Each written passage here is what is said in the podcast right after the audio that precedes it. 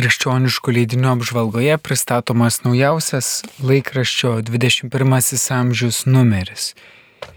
Čia rašoma, kad rūpjūčio antrąją buvo ne tik porciunkulės šventė, bet ir tarptautinė Romų holokausto atminimo diena. Ja 2015 metais paskelbė Europos parlamentas. Laikraštie rašoma apie Romų persiekėjimą Lietuvoje nacijų okupacijos metais. 21-ame amžiuje spausdinama informacija apie pasaulio jaunimo dienas Portugalijos sostinėje Lisabonoje, apžvelgiamos dalyvių iškariaujančios Ukrainos nuotaikos. Kuningas Vitenis Vaškelis klausė, ar galėtume ateinantį sekmadienį minimą Taboro kalną 575 metrai aukščio ant kurio įvyko Jėzaus atsimainimas, pavyzdžiui, palyginti su kitu Azijos kalnu K2, antru pagal aukštį pasaulyje, į kurį įkopusi Lenkija alpinista Vanda Rutkevič sakė, jaučiau didžiulį dėkingumą, kad galiu čia stovėti, nesijaučiau triumfavusi, jaučiausi, lyg būčiau arti Dievo. Tas, kas įveikia nelengvus kopimo į aukštą kalną išbandymus ir atsidūręs viršukalnėje, saulės nutviekstoje šviesoje, geris neįtikėtinų gamtos grožiu ir bent mintise padėkoja kuriejui už tai, ką mato, liudyja, jog kiekvienam žmogui būdinga grožio pajauta kaip religinio potyrio pradžia. Nuostaba keliančio grožio akivaizdoje žmogaus puikybė mažėja, nesuvokiama, kad tai grina duotybė padedanti atskirti kurėjo ir protingo kūrinio kūrybos ribas. Profesorius Petras Tirbys 21-ame amžiuje teigia, kad pasaulio šalise rasime unikalių savo fiziniais parametrais grandiozinių bažnyčių, pribloškiančių savo inžinieriniais sprendimais ir jų bokštų aukščiais. Jos skirsi savo dizaino stilistiką, pamatysime ir pompastikos, kas nėra smerktina Gaila, betgi Kauno arkikatedra, kuri taip brangi kauniečiams, kai nužvelgėme jos eksterjerą, greta pasididžiavimo jie, mus pasiekė liūdnokos mintys. Mat praeivė žvilgsnis pasigenda vizualinės harmonijos. Visiems žinoma, jog bokštai kaip sakralinis neatskiriamas konstrukcinis elementas bažnyčioms suteikia išskirtinio originalumo, o bokštai tampa jų vizitinė kortelė. Jų formos savitos, nepanašios į kaminus, televizijos bokštus, obeliskus ar šiaip smailės ir tuo atsiriboja nuo kitokios paskirties statinių. Labai svarbus bokšto aukštis, suteikiantis maldos namams ne tik specifinio dekoro, bet ir tikėjimo simbolikos, orientuojančios žmogų į aukštybės. Taurus bokštai taurina, harmonizuoja, sušildo aplinką. Tai ir komunikacinis tiltas, simboliškai jungiantis du pasaulius. Nors bokštai priskiriami prie konvencinių architektūrinių detalių, tačiau šiandien mus jau supa modernių bokštų įvairovė, kuri, kaip manoma, paliks praeitįje ir klasikinius bokštus ir jų interpretacinę sampratą. Vis dėlto Kauno arkikatedros bokštas yra pernelyg mažas, įlyginsime jį su šventovės masyviu, solidžiu, reprezentatyviu kūnu, jo erdviniu tūriu. Ir tai disonuoja. Bokšto aukščio matmuo, siekiantis 55 metrus, sakytum, sumenkina visą statinį, įneša kurioziškumo momentą, statinį daro sunkiai pastebimą iš tolo. Mano subjektyvių vertinimų, dėl didelio gal didingo bažnyčios bazinio statinio, esamas bokštas vizualiai atrodo kur kas žemesnis negu yra iš tikrųjų, o tai sumenkina visą sakralų į architektūrinį ansamblį, rašo profesorius Petras Tirbys. 21-ame amžiuje rasime daug naujienų iš parapijų. Minimos vietos yra Marijampolė, Vilkaviškis, Kedainiai, Biržai, Akmenė, Seda, Šešmariai, Virbalis, Baptai, Kalesninkai, Mitskūnai, Pajavonys, Žalioji, Pumpėnai, Leipalingis, Veiveriai, Upytė, Kvedarna, Ilguva, Šeštokai.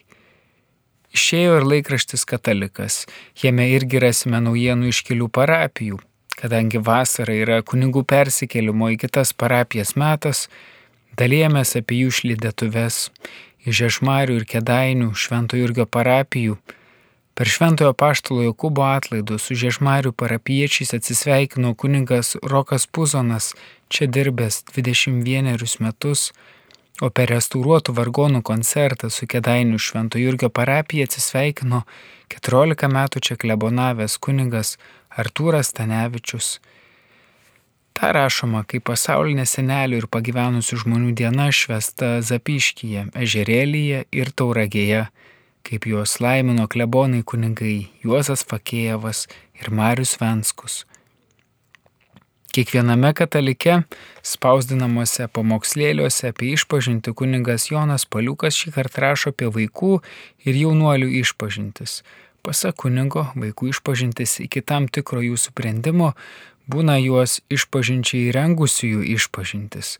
O jaunuoliai vis dar dažnai nutylė apie savo nuklydimus ir nedrįsta pasakyti to, kas svarbiausia, tarytum intimių dalykų nei nebūtų. Katalikas dar spausdina neseniai mirusio Šilavoto klebono kunigo Remigijaus Gaidžio nekrologą, rašo apie jo laidotuvės tėviškėje Jonavoje. Laikraščio 21 amžius apžvalga parengė laikraščio redakcija. Rūpiučio mėnesio maldinėlio Magnificat pristatymas. Šį mėnesį maldinėlio viršelį puošia flamandų dailininko Kvantino Maseiso, besimeldžiančios švenčiausios mergelės Marijos atvaizdas. Susikaupusi, rūpestingo veido ir karališkai spindinti mergelė mums tikras maldos pavyzdys. Magnifikat maldinėlis ir yra leidžiamas tam, kad padėtų melstis. O kas yra malda? Kodėl turėtume melstis? Daugybė traktatų parašyta atsakant į šiuos klausimus Egzistuoja daugybė maldos formų, kiekvienas galime paliudyti ir savitą asmeninę patirtį. Bet neretai nutinka, kad pametame iš akių maldos esmę, nebematome reikalo ar nerandame laiko šiam išskirtiniam susitikimui su viešpačiu. Atsiverskime Katalikų bažnyčios katekizmą.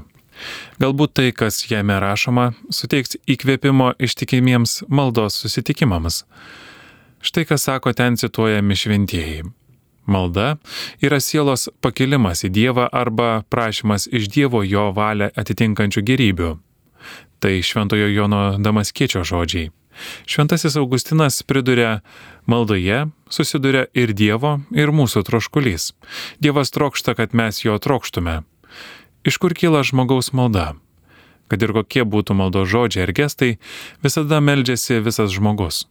Bet šventasis raštas, nusakydamas vietą, iš kurios veržėsi malda, kartais mini sielą arba dvasę, o dažniausiai širdį. Meldžiasi širdis. Jei širdis toli nuo Dievo, malda lieka tuščia. Katalikų bažnyčios katekizmas 2562 skirelis.